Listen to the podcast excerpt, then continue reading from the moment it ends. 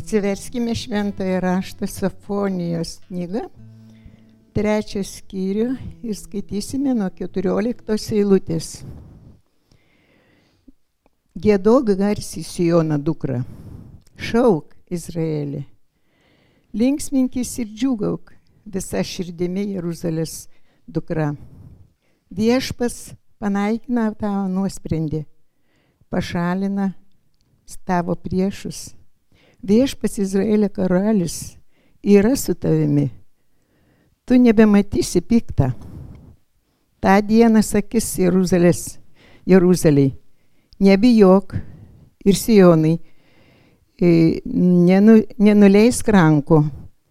Viešpats tave, tavo Dievas, esantis tavyje yra galingas. Jis išgelbės, išdžiaugsis tavimi, atgaidins tave savo meilę ir džiaugsmu dėl tavo, dėl, dėl tavęs gėdodamas.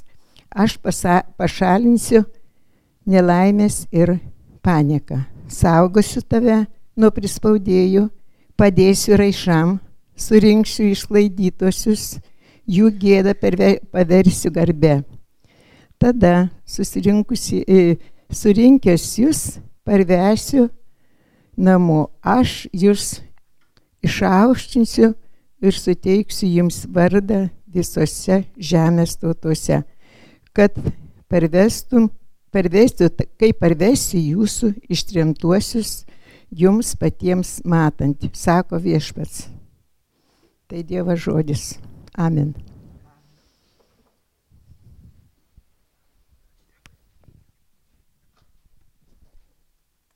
Pasimelskim prieš gilindamės į Dievo žodį. Dangiškasis tėvė, mes norime gilintis į tavo žodį, todėl prašome, kad per šventąją dvasę pamokytum savo žodžio. Įkvėp mus, perkeis mus, pripildyk išganimo džiaugsmų kiekvieną, kuris klauso tavęs, klauso tavo žodžio, klauso tavo Evangelijos. Kiekvieną, kuris tiki tavo atsiustą sūnų Jėzų Kristų. Meldžiam tos perkeičiančios jėgos mūsų širdys ir gyvenimuose. Per Kristų sakome Amen. Taigi, Sofonijo knyga. Kaip ją atrasti Biblijai, sakysit. Tai ketvirtoji nuo galo Seno testamento knyga. Taigi atsiverti Mato Evangeliją ir po, po truputėlį atgal eini ir atrandi Sofonijo knygą. Nedidelė knygelė, trijų skyrių pranašo Sofonijo knygelė. Bet neįtikėtinai, apie kokį džiaugsmą kalbama. Džiaugsmas, džiaugsmas džiaugsmas. E, ir krikščionybė, žiūrėkim, čia labai svarbu tai pasakyti, krikščionybė nėra surūgusio, rūškano veido niuri religija. Jeigu apskritai mes krikščionybę galime vadinti religija, nes tai nėra religija kaip kitos religijos, nes tuo jin išsiskiria iš visų kitų, nes jin skelbia gerąją Jėzaus Kristaus žinę, naujieną, Evangeliją. O Evangelija yra linksmoji, geroji žinia. Ne tai, ką mes turime dėl Dievo padaryti, kaip patraukti jo dėmesį, aukomis savo gerais darbais pelnytis Dievo malonę, bet tai, ką Dievas padarė dėl mūsų. Ne mes turime save ištobulinti ir pasiruošti Dievui, užsitarnaudami jo malonę, bet Evangelija duoda kiekvienam, kuris tik patikėjo. Ir tai yra neįtikėtinas dalykas. Apaštalas Paulius apibendrindamas laiškė romiečiam fundamentaliausiame teologinėme traktate, kurį jis yra parašęs, apibendrindamas sako, Dievo karalystė nėra valgymas ir gėrimas. Valgymas ir gėrimas, sakysit, apie ką čia kalba, apie McDonald's ar e, Burger Kingą, kuris stato čia panevežį. Ne, ne, ne, jisai kalba apie tai, kad yra taisyklės, reikalavimai, kurių turim laikytis, jeigu norim patikti Dievui. Įstatymo reikalavimai. Sako, nėra karalystė valgys ar gėrimas, bet teisumas, ramybė ir džiaugsmas šventojoje dvasioje. Taigi džiaugsmas, džiaugsmas yra Dievo karalystė, džiaugsmas yra dvasios vaisius, kuris bręsta tikinčiuosiuose tuose, kurie atsigrėžė į Jėzų Kristų, kurie pažvelgė į jį, kurie patikėjo Jėzų Kristų. Dvasios vaisiai pradeda bręsti jų gyvenime, ilgainiui pradeda bręsti. Tai meilė, džiaugsmas, ramybė, kantrybė, malonumas, gerumas, ištikimybė, rumumas, susivaldymas. Džonas Totas gerai pastebi, sako, kartais kai kurie žmonės pasižymi kažkurie viena iš tų savybių. Kažkurie šiaip džiugus gyvenime yra, arba kažkurie yra e, tiesiog ramus labai. Ir Stotas sako, jeigu tik viena savybė pasižymi tų žmonių gyvenime, gali būti, kad jie tiesiog flegmatiški žmonės, arba paviršiniškai žiūri gyvenimą ir tiesiog, jie sakai, žvengia iš visko, arba ramus, nes tiesiog ilgai virškina. Du skrandžius gal turi tą minties prasme, kol ateina, jisai ir viską ramiai sureaguoja ir ne, nesinervina, bent jau išoriai. Sako, šiuo atveju toks žmogus nėra e, pripildytas dvasios vaisius, subrand, nėra subrandinės dvasios, dvasios, dvasios vaisiaus, jeigu jis turi vieną savybę kažkuria. Nes dvasios vaisius reiškia visose juose iš karto. Nėra taip, kad mes sakom, o, aš turiu džiaugsmo, arba aš turiu daug vilties, bet kiti dalykai man nerūpi. Taip negali būti. Tai nėra dvasios vaisius, nes dvasios vaisius reiškia visumoje. Iš esmės Dievas nori perkeisti ir transformuoti kiekvieną iš mūsų. Todėl atverkim savo širdis, kad viešpats darytų savo darbą juose, kad viešpats tęstų savo darbą, kurį pradėjęs mumyse. Ir šiandien kalbėkime apie džiaugsmą. Taigi, 14 eilutė sako, mes skaitėme, 14 eilutė sako, žiūrėkime, neįtikėtinai. Gėdok garsiai, Siono dukra, šauk Izraelį, linksminkis ir džiūgauk visą širdimi Jeruzalės dukra. Gėdok, gėdok. Kokia emocija. A, kokiomis emocijomis prisipildo Dievo tauta. Sako, džiūgauk, gėdok, gėdok garsiai. Siono dukra Izraelį, visa širdimi Jeruzalės dukra skirtingus sinonimus naudoja, kalbėdamas apie Dievo tautą, apie visą Dievo tautą, ne apie kažkurios išskirtinius asmenys, apie visus išrinktuosius, kas ir yra Dievo tauta, išrinktųjų tauta. Dievas, sako, prisipildykit šitą emociją, šituo, šitą būseną. Um, tai kaip kvietimas, paliepimas, leidimas ar net įsakymas, gėdok, džiaugis galbūt galim suvaidinti. Būna labai nemalonu žiūrėti suvaidintą džiaugsmą, dirbtinį juoką. Galbūt aktoriai išmoksta gerai vaidinti ir, ir gerai geba įsijausti tą dalyką, bet dirbtinis juokas nėra gražus. Ir, ir čia kalbama apie tą nesuvaidintą natūralią spontanišką reakciją. Kai Dievo tauta patiria, išgyvena vidinį džiaugsmą ir plyšta. Žinote tą jausmą, kai jūs kažkok, laukiat kažkokios žinios ir staiga ta žinia aplankė jūs ir kažkur gatviai. Ir jūs einat gatve ir pasiemėt telefoną ir parašė kažkas. Gavot atsakymą ir jūs plyštat džiaugsmu. Ir gal bandat kas savo į lūpą, bandat kažkaip tai savo, nes prie žmonės, nesupra žmonės, kaip, kodėl jūs taip reaguojat, kodėl džiaugiatės, kodėl trykštat, kodėl jūs šypsotės, nes Lietuvoje šypsotis nėra geras dalykas. Šypsodamasis tu šiek tiek, a, išsiskiri galvo, kažkoks koktelė žmogus Bet žino tą jausmą, tą išgyvenimą, kai tu tiesiog plyšti, nes tu sužinoji gerą žinią, tave pripildo ir tu spontaniškai nori prisipildyti džiaugsmu. Grįžti namo, pradarai duris, sakai, haha, aš gavau gerą žinią. Štai sulaukiam atsakymo. Ir aš manau, kad apie tokį džiaugsmą ir kalba a, Dievo žodis. Kokia viso šito šurmulio, kokia viso šito džiaugsmo, spontaniško noro troškimo, įsakymo, kvietimo ir atsiliepimo gėdoti iš viso širdies. 15 eilutė sako, žiūrėkime. Viešpats panaikino tavo nuosprendį, pašalino tavo priešus, viešpats Izraelio karalius yra su tavimi, tu nebematysi piktą. Esminis dalykas, kad viešpats Izraelio dievas, viešpats Dievo tautos dievas yra su tavimi. Štai, štai koksai kas yra džiaugsmo šaltinis, krikščioniško džiaugsmo šaltinis, kad Dievas yra su savo tauta. Sakysi, o didelis čia dalykas. Didžiulis dalykas. Tris dalykus viešpas padaro savo tautai. Jis sako, jis panaikino nuosprendį.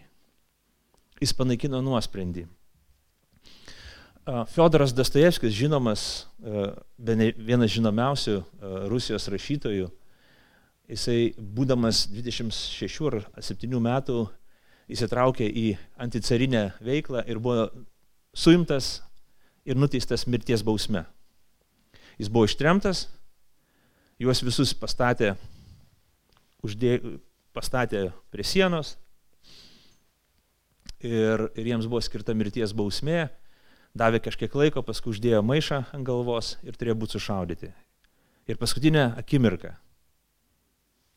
įlėkė žirgas ir, ir ten buvo suvaidinta tas, tas dalykas, bet laukia to laiko, įlėkė žirgas su žinia, sako, jiems sutikta malonė.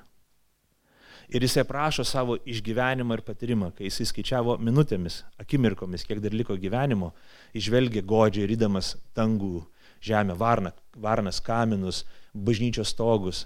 Ir paskutinį kartą mato, atsisveikindamas tuo gyvenimu ir staiga jam dovanoja visą gyvenimą. Jo gyvenimas pasikeitė iš esmės. Pasikeitė, nuosprendis atšauktas, jis dabar gali gyventi. Net per daug to gyvenimo liko, nes jisai turėjo keletą akimirkų, bet dabar visas gyvenimas lieka. Dievas panaikino nuosprendį, brangieji. Tai yra neįtikėtina žinia. Visi mes nusidėlį, kiekviena mūsų nuodėmė yra verta mirties. Ir Dievas sako, aš panaikinu tą nuosprendį. Pašalino tavo priešus. Antras dalykas, ką viešpats padarė. Kas yra mūsų priešai? Netikėtina mintis, iš tikrųjų, žiūrėkit, kol mes netikėjom Dievą, kol mes ne, ne, neatgimėm iš aukštybių, Dievas buvo mūsų priešas. Dievas yra geras, bet Dievas yra šventas. Ir per savo nuodėmę, per savo maištą prieš Dievą mes jį padarėme savo priešų. Tai, kas yra geriausia, tai, kas yra gražiausia, tai, kas rūpinasi mumis ir mylimus iš visos savo širdies, mes jį padarėm savo priešų. Ir Dievas buvo mūsų priešas. Bet jeigu mes patikėjome Jėzų Kristų, jo kryžių, kuris sutaikina, kuris atperka visas mūsų nuodėmes, Dievas tapo mūsų, mūsų partneris, Dievas tapo mūsų gelbėtas, Dievas tapo mūsų pusėje, mes perėjome jo pusę per kryžių, per tikėjimą Jėzų Kristų. Ir dabar jisai yra mūsų pusėje. Kasgi dabar yra mūsų priešai? Mūsų priešai yra velnės, pasaulis ir mūsų kūnas. Velnės, kuris egzistuoja, kuris kovoja prieš mus, pasaulis, kas yra gaiduliai, kūno atraškimai, akių geismai ir mūsų kūnas, kuris iš principo veikia iš vien. Ta kūniškoji prigimtis, kuri veikia iš vien su velniu, su pasaulio gaiduliais. Štai mūsų priešai. Ir viešpats sako, aš pašalinsiu, aš pašalinu tavo priešus, aš įveikiu, aš palaužiau jų galę, jeigu tu esi mano pusiai, aš esu su tavimi, tu esi mano pusiai, aš palaušiu velnę, šį pasaulį ir tavo kūniškumą, taip, kad tu galėtum mylėti visą širdį mane ir būti panašus į mane. Ako tu nematysi piktą. Trečias dalykas. Tu nematysi piktą. Viešpats sandoros ryšiais, sutarties pagrindus susitaiko su mumis, suriša savo ir mūsų likimą su, su juo. Jis įsipareigoja, kaip sutoktinis kitam sutoktiniui įsipareigoja santokos įžadais, kad aš rūpinsiuosi tavim, aš globosiu tave, Aš būsiu vienas, aš būsiu tau ištikimas. Taip Dievas įsipareigoja savo tautai. Tu nematysi piktą. Atsimenu 2014 metais, aš esu minėjęs tą dalyką, bet labai tinka, kai, kai Rusija įsiveržė į rytų Ukrainą, kai mes visi išgyvenom nerimą ir baimę ir galvojom, kaip dabar bus, nes mes nesitikėjom to, tokios, tokios agresijos visai šalia mūsų. Didžiulės valstybės turinčios brandolinį ginklą, milžinišką kariuomenę ir karinį potencialą. Ir mes visi nerimavom dėl savo tautos egzistencijos, nes galvom, kas koks kitas bus žingsnis. Baltijos šalis yra lengvas kasnis, visą laiką trokštamas kasnis, dėja imperiškai, imperiškai mąstančiai mūsų kaimyniai. Ir aš atsimenu, kai po kurio laiko Junktinių Amerikos valstybių viceprezidentas kalbėjo apie tai, kad penktas NATO starties punktas tebe galioja. Penktas NATO sutarties punktas galioja, kad jeigu viena valstybė yra puolama, puolamas visas NATO ir Amerika yra su mumis. Aš atsimenu, važiavau Basanavičius ir Vilnius gatvės sankryžai, sukau į kairę iš, iš Vilniaus gatvės į Basanavičių link autobusų staties. Aš verkiau klausydamas per radiją tą žinią. Aš ko viešpatį. Mes turim viltį, mūsų nesugniždys, mes nematysim karo, destrukcijos, kažkokio sunaikinimo naujos okupacijos, kurią mes tvėrėm šimtmečiais ir, ir praeitam šimtmetį 50 metų mes ją išgyvenom. Dargi, pra, jeigu skaičiuosime pradžioj šimtmečio, dar daugiau metų gaunasi. Koks džiaugsmas. Mūsų džiaugsmas kartais būna lydimas ašarų, nes mes būnam sujaudinami. Ir čia žinia tokia iš, iš Dievo žodžio. Dievas sako, aš esu su tavim. Aš esu su tavim. Ir tada tu sakai, tada aš džiaugsiuosi. ne Junktinės Amerikos valstijos, bet pats Dievas sako, aš esu su tavim. Wow. Žiūrėkime, važiuokim dar toliau. Yra 16 eilutė. Dievo žodis sako, nebijok, nenuleisk rankų. Čia labai stiprus dalykas.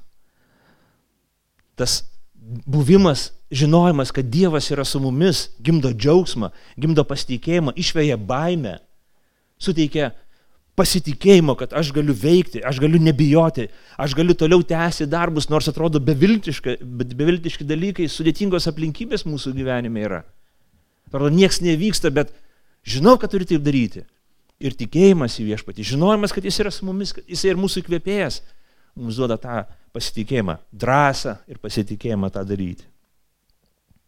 Ir žiūrėkime, 17 eilutė vėlgi kalba apie priežastį, iš kur tas pasitikėjimas plaukia. Žiūrėkit, viešpats tavo Dievas esantis tavyje yra galingas. Klausykit, sakėt diržą saugos. Jis išgelbės jūs, jis išgelbės, jis džiaugsis tavimi, atgaivins tave savo melę ir džiaugaus dėl tavęs gėdodamas. Gėdantis Dievas. Ar jūs galėt kažką įsivaizduoti? Gėdantis Dievas. Jis gelbės, džiaugsis, atgaivins tavo ir gėdos. Ir galvoju, aš net negaliu įsivaizduoti, rauna stogą, nu, vaizduotė mums nepareina. Žinot, kaip būna šeimos tėvas dainuoja dainas. Reiškia gera nuotaika, reiškia viskas cool, reiškia viskas fainai, reiškia viskas saugu, reiškia jis viską kontroliuoja. Tai visko viršūnė, Dievas džiugauja, gėda. Dėl to, kad jisai džiaugiasi tuo, ką padarė, dėl to, kad džiaugiasi Dievo tauta, kurią jis atpirko tą darbą, kurį jis padarė Dievo tautoje. Ar galima apie tai pamastyti? Ar galim tai įsivaizduoti? Ar mūsų kultūra gali paskatinti mąstyti apie džiugojantį Dievą? Ar tavo vaizduotė gali tai padaryti? Ar kažkokia religija gali kalbėti mums apie džiugojantį Dievą? Ne, niekaip mes neįsivaizduotumėm tokio dalyko. Ar žvelgdami į gamtą mes galim įsivaizduoti džiugojantį Dievą? Galbūt trumpam pavasarį, bet tik netokio oro kaip dabar gruodžio vidury. Kai šalta, pliurza, šilta, nesuprasi kas. Ir galvom, o, oh, my goodness. Bet Evangelija mums sako, Dievas džiūguoja. Dievas džiūguoja gėdodamas. Iš jo kyla tas džiaugsmas. Biblijos dievas visai kitoks negu graikų mitų dievai, kurie galbūt džiaugdavosi, bet džiaugdavosi tokiamis žmogiškomis intrigomis, tokiu sadistiniu noru pakankinti kitą žmogų. Ne, mūsų dievas netoks. Jisai išgelbės. Jis nepasislėpęs danguje, džiaugiasi, nes jam svetimi žmonių vargai ir skausmai. Ne, jis įsikūnijęs Dievas, kuris rūpinasi žmonėmis, kuris pats tapo kaip žmogus, kuris kentėjo kaip žmogus, mirė kaip žmogus, prisikėlė tam, kad tie žmonės ateitų pas jį, kad visiems duotų amžiną viltį. Tai gelbstintis Dievas, nenutolęs nuo šio pasaulio Dievas, bet įsikūnijęs, inkarnavęsis Dievas. Ir jisai džiaugiasi. Jis džiaugiasi. Jis džiaugiasi. Jokia religija apie tai nekalba. Krikščionybė, Evangelija yra džiaugsmo žinia. Kaip galim apie tai mąstydami nedžiugauti? Kaip galim neprisipildyti džiaugsmų, jeigu apie tai galvojam? Ir be abejo, žiūrėkim, kai kalbam apie šitą, apie šitą uh, žinę, mes kalbam apie Jėzų Kristų, apie tą uh, sofonio pranašystę, kad tai įvyks. Be abejo, žiūrėkim, viešpats Izraelio Dievas 15 eilutė sako, kad yra su tavimi. Kas tai yra? Mato Evangelijoje mes skaitome, kad Jėzus yra Emanuelis, Dievas su mumis. Kristaus ateimas, ką mes ir švenčiam dabar šituo metu laiku, ir byloja apie tai, ką, kad Dievas ateina į mūsų gyvenimą, kad būtų su mumis. Ne tik, kad matytų, žinotų apie mus, bet kad būtų su mumis. Kristaus ateimas reiškia Emanuelis, Dievas su mumis, jis yra su mumis. 17 viešpats tavo Dievas esantis tavyje. Kolosiečiams 1.27 sakoma, Kristus jumise yra šlovės viltis. Tas Dievas mumise yra Kristus mumise. Tik tai Kristus per kryžių įvykdė tai, ką Seno testamento pranašas išvelgia, kad Dievas kažkokį darbą, neįtikėtiną darbą darys ateityje žmonių gyvenimuose ir, ir širdyse. Jėzus pats sako, Atgailaukite savo tarnysės pradžioje. Atgailaukite, nes prisertina dangaus karalystė. Tai ateina per Jėzų Kristų šitie dalykai tampa, tampa mums pasiekimi. Jėzuje Kristuje tai tampa ryšku ir regima. Jėzuje Kristuje tai tampa įmanoma, kad Dievas pripildytų kiekvieną iš mūsų, kad Dievas būtų su mumis, kad Dievas pasiliktų mumise, kad Dievas dovanotų mums tą džiaugsmą, kuris plūsta iš to, ką Jis padarė dėl mūsų ir kas Jis yra. Mums yra labai svarbu paminėti tai, kas krikščioniškas džiaugsmas nėra. Keletą minčių apie tai. Pirmas dalykas, tai nėra tas pozityvumas, apie kurį kalba mūsų kultūra. Aš tam dalykui priešiniuosi iš esmės, aš ne, nepriimu tos pozityvumo religijos ar pozityvumo filosofijos, kaip jie pavadinkim, kai reikia būti pozityviam. Reikia būti, nu, tik tai gerus dalykus reikia pabrėžti ir matyti gyvenime, nes aš nešiukšlių dėžė, aš negatyvių dalykų save nepriimu, aš galvoju tik tai apie tai, kas gera, kas pozityvų, ne, ne, nu, ir, ir tai, kas ne, negatyvų, aš ne, negalvoju apie tai. Ir galvoju, kas čia per nesąmonė, nes gyven, gyvensi gyvenimo, jeigu tu tik tai iškerpi kaip kokį laikraštį, iškarpai kažką, kas tau patinka, kas nepatinka, nu, neėmi. Ir dar įdomiausias dalykas iš vaikystės prisimenu, kai karpai laikraštį, tai, kas tau patinka, kitoj pusėje bus tai, kas nepatinka. Ir kartais nukrenta tas lapelis ir nukrenta kita pusė ir tu primena, kad o, gyvenimas visgi ne tas, kuris tau patinka. Bet yra dvi medalio pusės. Ir kai, kai krikščionybė kalba apie džiaugsmą, krikščionybė sako, o, gyvenk debesyse. Toks vaikščiok, oi, faina, kažkaip angelai tau galvo gėda ir tu kažkoks biškai nutrūkęs nuo šio pasaulio. Taip nėra, Kristus toks nebuvo, Kristus taip negyveno, jo paštas taip negyveno, Dievo žodis mums taip nekalba, Dievo žodis mums atskleidžia ne, ne pozitivistinį, negativistinį, bet realistinį požiūrį į gyvenimą.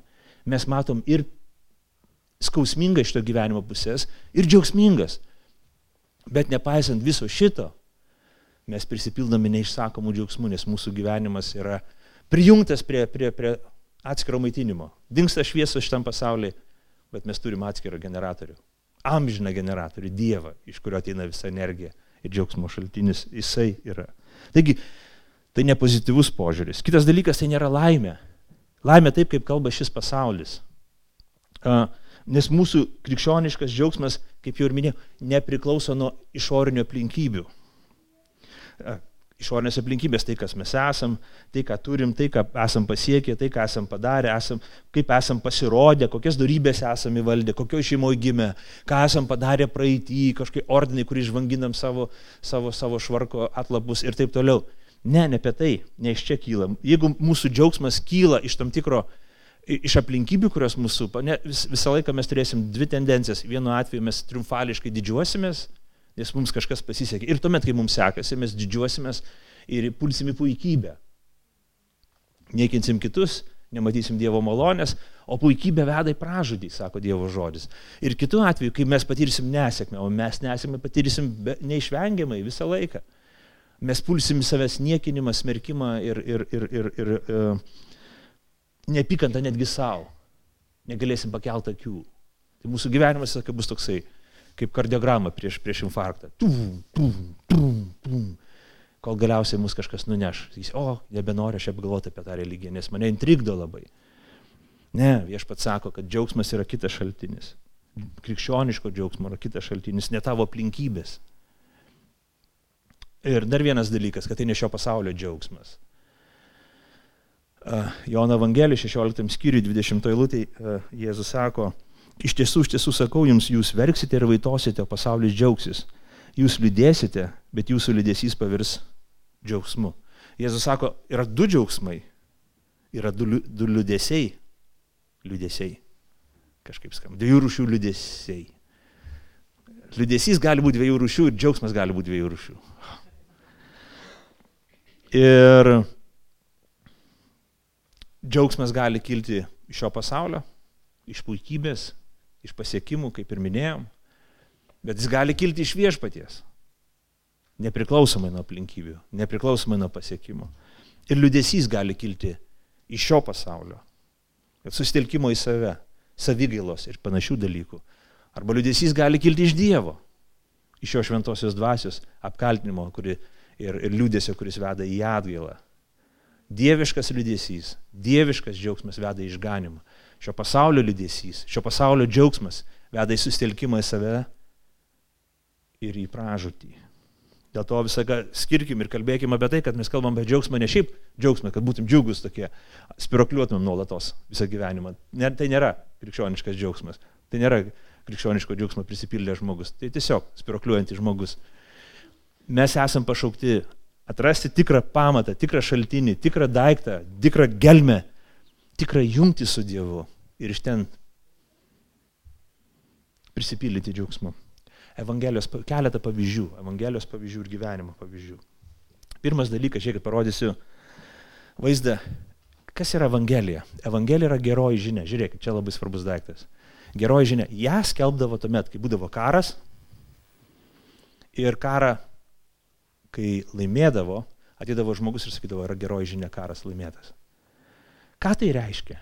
Tai reiškia, kad mūsų vyrai, mūsų sūnus, mūsų tėvai nebe, nebestato savo gyvybių pavojų. Mūsų moterys, mūsų vaikai ir senoliai yra apsaugoti. Nebebus naikinimo ir mirties. Netikėtinas palengvėjimas. Ir sako, mes laimėjom karą. Tai geroji žinia naujiena. Keletą, žiūrėkit, nuotraukų įdėta į, į, į, į kaip žmonės šventė antro pasaulinio karo pabaigą. Dešimtis milijonų žmonių buvo pražudyta, šimtų milijonų žmonių gyvenimai buvo pavergti ir staiga nacijai žlugo, jie pasirašė kapitulacijos sutartį ir visi džiaugiasi. Bučiuoja vieni kitus, džiaugiasi, bėga, šūkauja, nes karas pasibaigė. Yra, mes išgirdom tą žinią, varbai gaudžiat, bažnyčių, kurios nesugriautas, rašom laikrašius, mėtam popierius į gatvę, nes karas pasibaigė. Tikras džiaugsmas. Ir tai yra Evangelijos žinia. Karas pasibaigė. Blezas Paskalis, 17 amžiuje gyvenęs prancūzų matematikas, jisai išgyveno Dievo prisilietimą vieną kartą savo gyvenime, paskui kitą kartą. Ir po savo atsivertimo jis rašo, tokius dalykus pasižymėjo pas save uh, dienoraštį.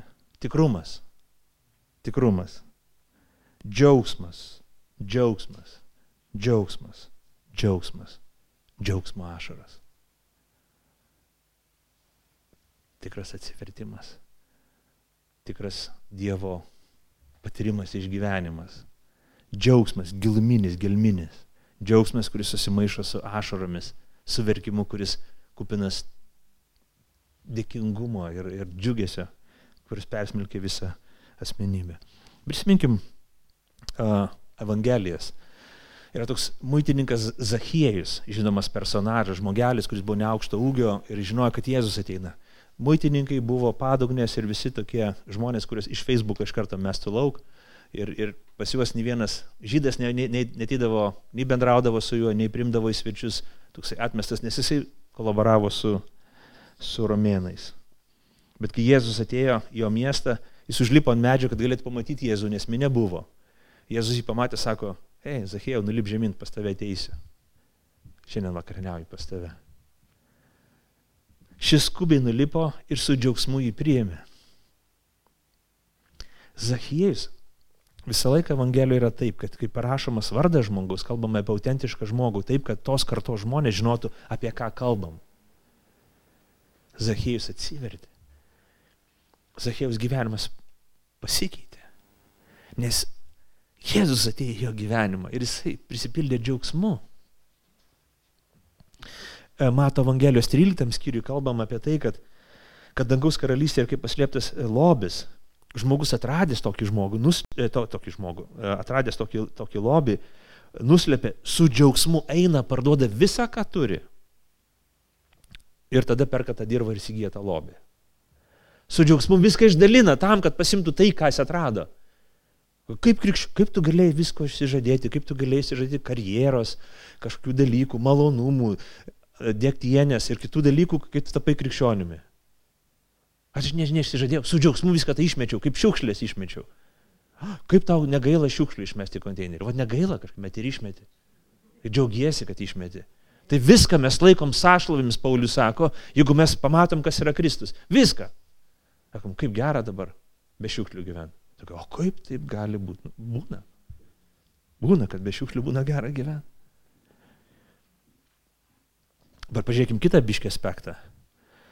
Jėzus kalba kitus palyginimus apie, apie a, piemenį, kuris gano avis ir šimtą avių, viena pabėga ir, ir jis eina ją atrasti, atranda, dedasi ant pečių, radęs su džiaugsmu, dedasi ant pečių ir paskui eina ir sako bičiuliams, džiaukitės kartu su manimi, radau.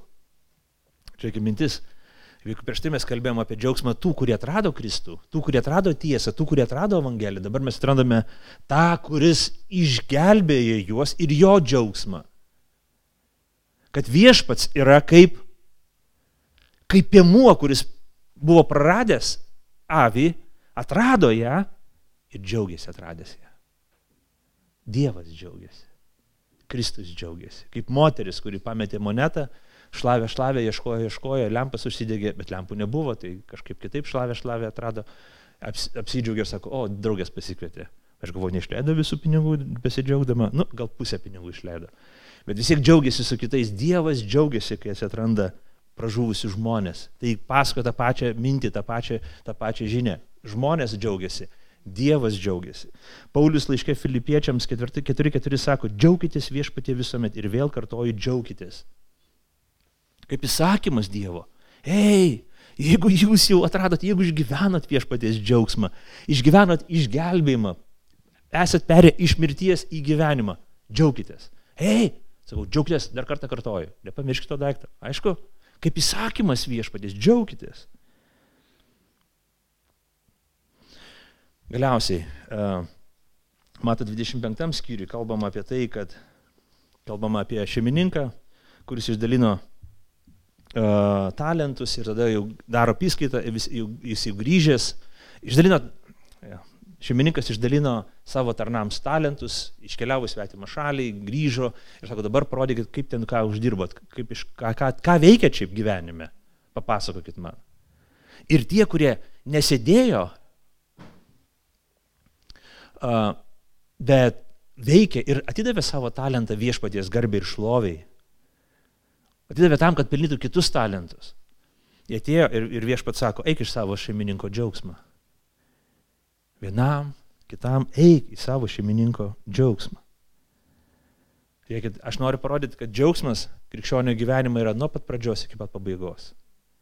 Kai mes išgirstam, sužinom tą žinią, mes reaguojam su džiaugsmu, mes matome viešpaties džiaugsmą. Tai nėra tas džiaugsmas, kad aš kvailelis vienas džiaugiuosi, Dievas taip žiūri, galvoja, o kiek man dar vargo su tavim reikės, visą pašventinimo darbą, dar tu gyvensi čia 40-60 metų, ojo, jo, jo, jo, kiek tu dar tau reikės atgailauti ir atgailauti, klys ir griuvinėsi, man net džiaugsmo nebėra, jau žiūri tave čia, džiaugiesi, džiaugiesi, nu tai jau padarysi. Ne, Dievas džiaugiasi taip pat. Sako, džiaugis visą savo gyvenimą, kai esi su manim, kai esi mano pusėje. Galiausiai sako, kai jau pabaigsi šitą kelionę, kuria bus visko, ateisi pas mane džiaugsmą. Ar visos problemos išsisprendžia mūsų gyvenime, ar mes neturim problemų? Taip, mes žinom iš Dievo žodžio kad, ir iš savo patirties, kad viskas nepasikeitė mūsų gyvenime.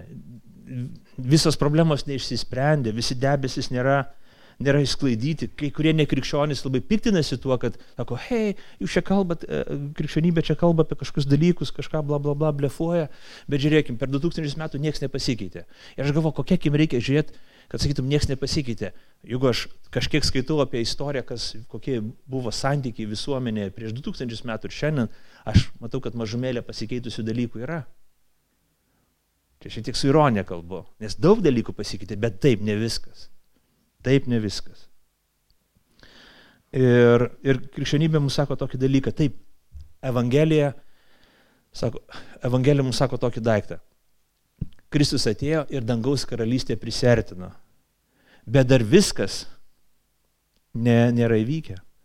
Karalystė prisertino, Kristus turi karalystės raktus, bet galutinai viešpatauti dar nepradėjo.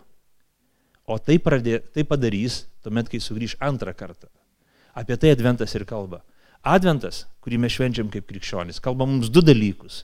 Vienas dalykas, kad Kristus atėjo į šį pasaulį ir tai mūsų viltis, tai mūsų džiaugsmas, tai mūsų, mūsų triumfas. Bet kalba apie tai, kad kaip jis atėjo pirmą kartą, taip laikų pabaigoje jis ateis antrą kartą, paskutinį kartą, tam, kad jo karalystė būtų išsipildžiusi. Kitame palyginime apie talentus. Jisai išdalino talentus, mes dabar esam tie, kurie gavom talentus iš viešpatės, laiką, gyvenimą, jėgas, energiją, viską, kas yra mūsų gyvenimas. Ir viešpas dabar pasitraukė, starytum. Ir vieną dieną jis grįš į mūsų gyvenimą ir galiausiai vieną dieną jis grįš į šitą pasaulį. Ir tuomet jis už, už, už viešpataus iki pabaigos. Dabar mums lieka kas? Lieka laikas, kai mes pasikliauname Dievo pažadais. Mes kliaunamės Dievo pažadais. Žiūrėkit, 18, 19, 20 eilutės teksto, kurį mes skaitėme. Viešpats pažada mums pašalinti nelaimės ir panieką, saugoti nuo prispaudėjų, padėti raišam, surinkti išsklaidytuosius, gėdą paversti garbę, surinkti ir parvesti namo, išaukštinti ir suteikti vardą visose tautose.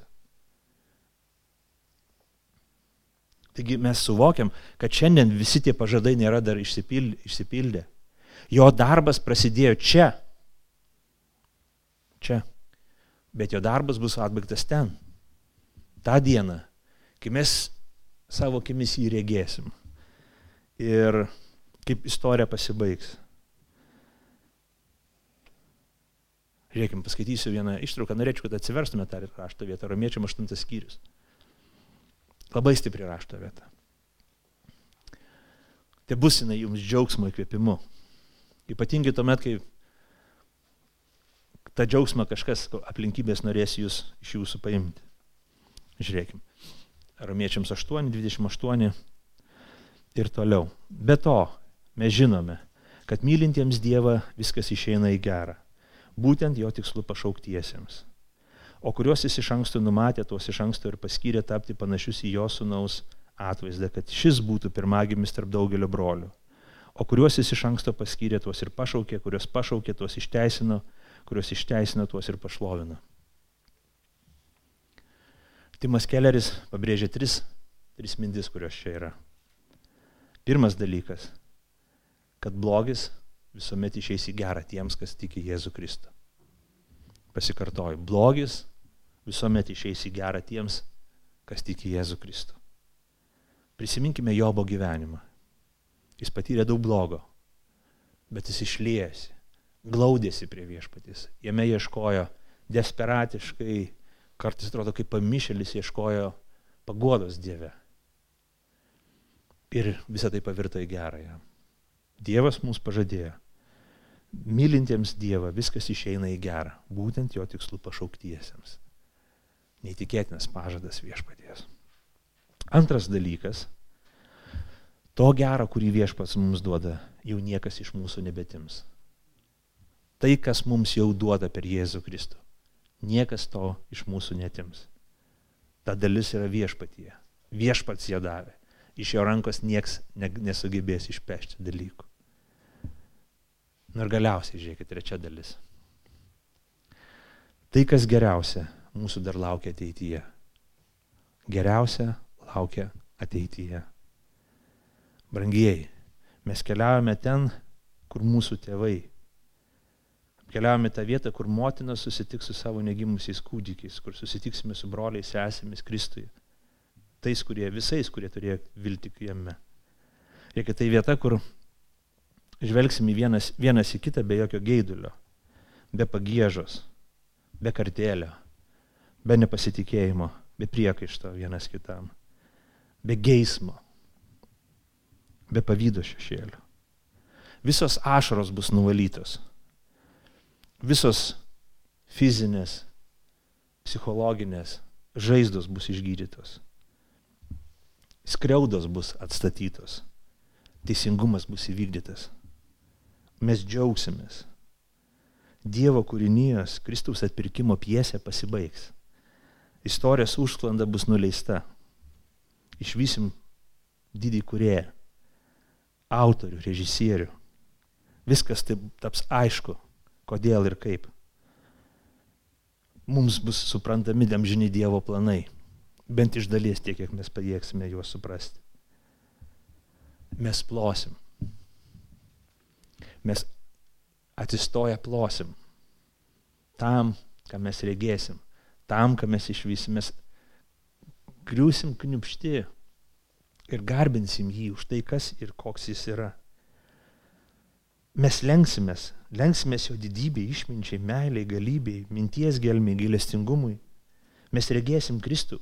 Čia svarbiausias dalykas.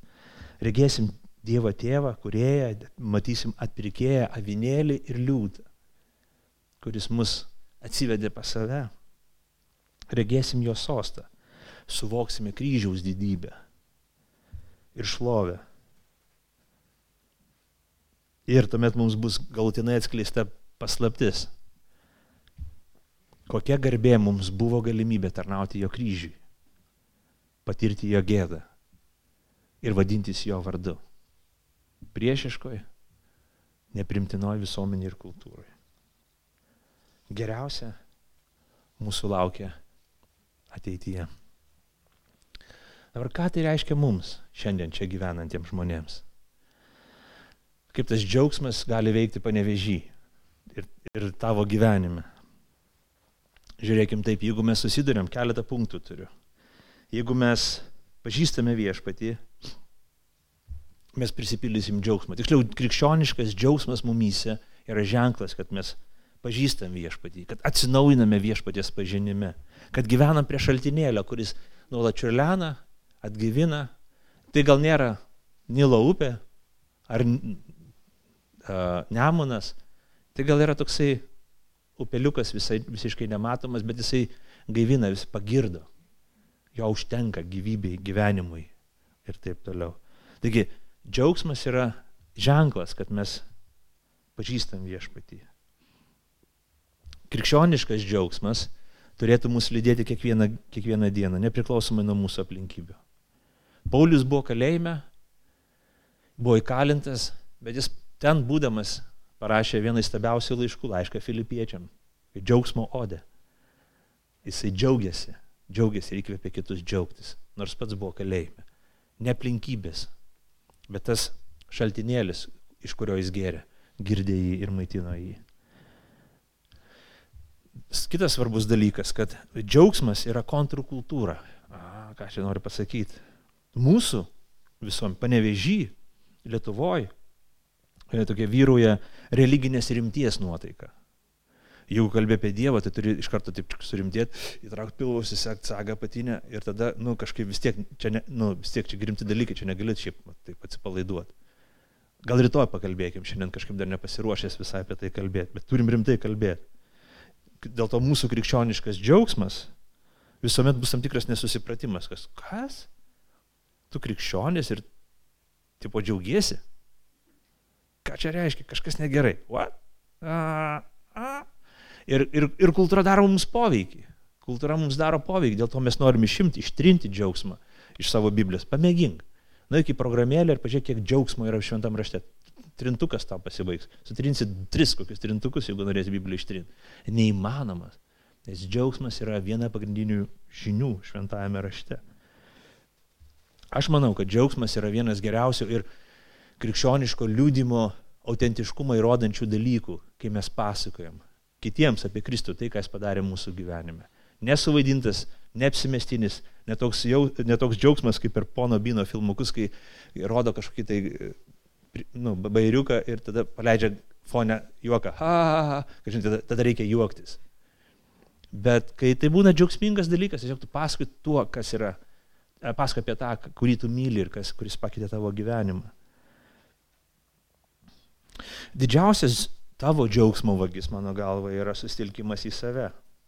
Darbų nuopelno evangelija. Manimas, kad savo religinių pasirodymų tu gali pelnytis karmos taškų. Aiškia, kaip aš čia pasirodysiu, kaip aš atrodysiu, kaip pasakysiu, kaip čia viską padarysiu, kaip čia atsistosiu, kaip rankas iškelsiu, kaip čia darysiu, kaip čia patarnausiu, kaip čia pastebės mane, kaip čia nepastebės. Ok, nu fainai. Pamėgink džiaugtis. O tik taip gali džiaugtis. Tai ne, negalvok apie save. Ne, tai, ne ta prasme, kad mes turim būti paviršutiniški, bet mes turim sakyti, krikščioniškas tikėjimas yra žvilgsnis į Jėzų Kristų ir sėkimas paskui jį.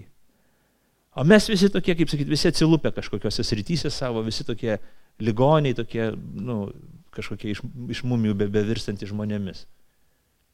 Bet bevirstantis procese, sekantis paskui jį teisingai kryptim judantys. Džiaugsmą rasime tuomet, kai mes prisipildysime Dievo pažinimu, kai skaitysim Dievo žodį, apmastysim Dievo žodį. Ir dar labai svarbus dalykas, kad kai gyvensim Dievo žodžiu. Bet niekur kitur. Šis pasaulis, šio pasaulio kultūra, netgi gamta mus nepripildys džiaugsmu. Tik Dievas mus pripildys gali džiaugsmu. Tik jo žodis gali pripildyti džiaugsmu. Taip, gamta gali atskleisti Dievo didybę, bet džiaugsmą pagimdys tik tai Kristaus pažinimas ir niekas kitas. Nu ir paskutinis dalykas, bet ne pats nemažiausiai svarbus dalykas, kad krikščioniškos tarnysės motyvas vienintelis galimas ir primtinas Dievui yra džiaugsmas. Aš rytoj eisiu pas panevežio merą ir greičiausiai nesu treningais. Jeigu eitumėt pas uh, Lietuvos Respublikos prezidentą, greičiausiai irgi neteitumėt su šlepetėm, tos, kur per pirštą persimūna. Nebent jūs esat koks nors ten, nežinau. Šeikas. Kabutėse šeikas.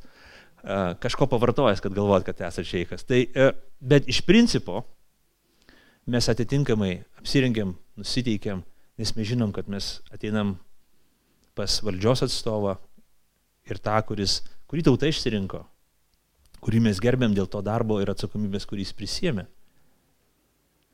Dabar kalbėkime apie dangaus Dievą. Pasaulio sukūrėją. Mūsų atpirkėją. Dievą, kuris pasakė, aš tave išgelbėsiu. Aš būsiu su tavim. Kuriam tai kainavo viską. Ne, jis ne, nepervedė 5 procentus tų pinigų, kurias valstybė taip paėmė iš jo.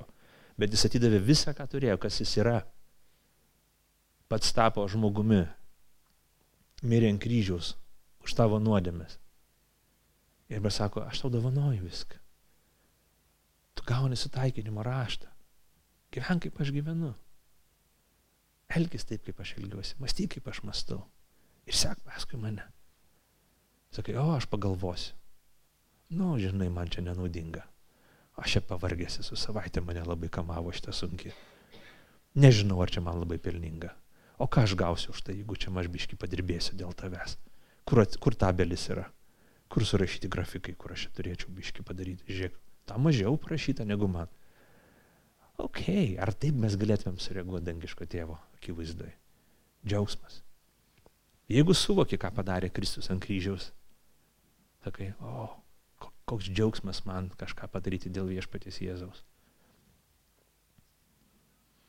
Paulius rašo visur, galim Nuojam testamente rašyti, skaityti, Kas daro gailestingumo darbus, te daro tai su džiaugsmu. Kas vadovauja, te daro tai su džiaugsmu. Aš pats noriu atvykti pas jūs, laiškė romiečiams sako, su džiaugsmu.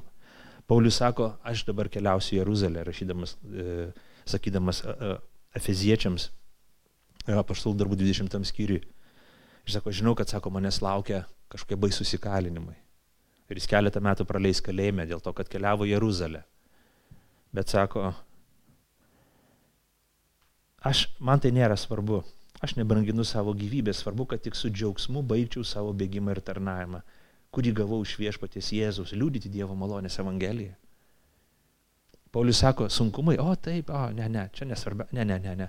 Svarbiausia, kad kai aš einu per juos, kai aš darau tai, ką viešpas mane pašaukė, kad tuos darbus, tą tarnystę, savo distanciją, kad aš nubėgčiau džiaugdamasis.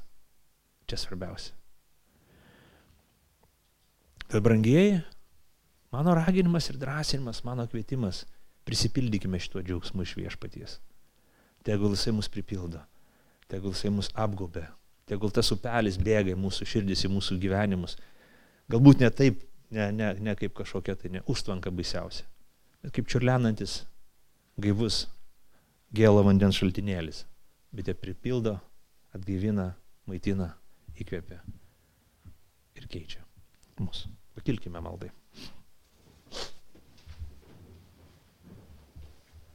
Dangiškasis tėve, dėkojame tau už malonę, dėkojame už, už tavo sūnų Jėzų Kristų, dėkojame už džiaugsmą, kurį tu mums duodi, kaip savo dovaną.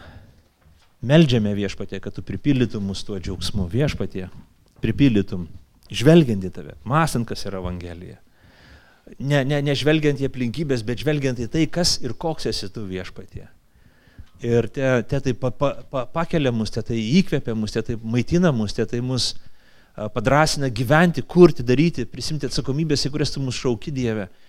Viešpatie, mes norim džiaugtis tuo tavo išgelbimo darbu taip, kaip tu džiaugiesi jo. Mes norim susijungti su tavim to vienoje giesmėje, kurią tu gėdi viešpatie. Mes norim šlovinti tavo šventą vardą. Norime, kad tas džiaugsmas būtų pripildęs mūsų širdis iki kiekvieno, kiekvienos ertmelės to širdies. Ir tai sklinda tiem žmonėms, kurie Evangelijos dar negirdėjo, kad tas džiaugsmas pasiektų juos ir perkeistų visų mūsų gyvenimus. To prašom per Kristų ir sakome visi. Amen.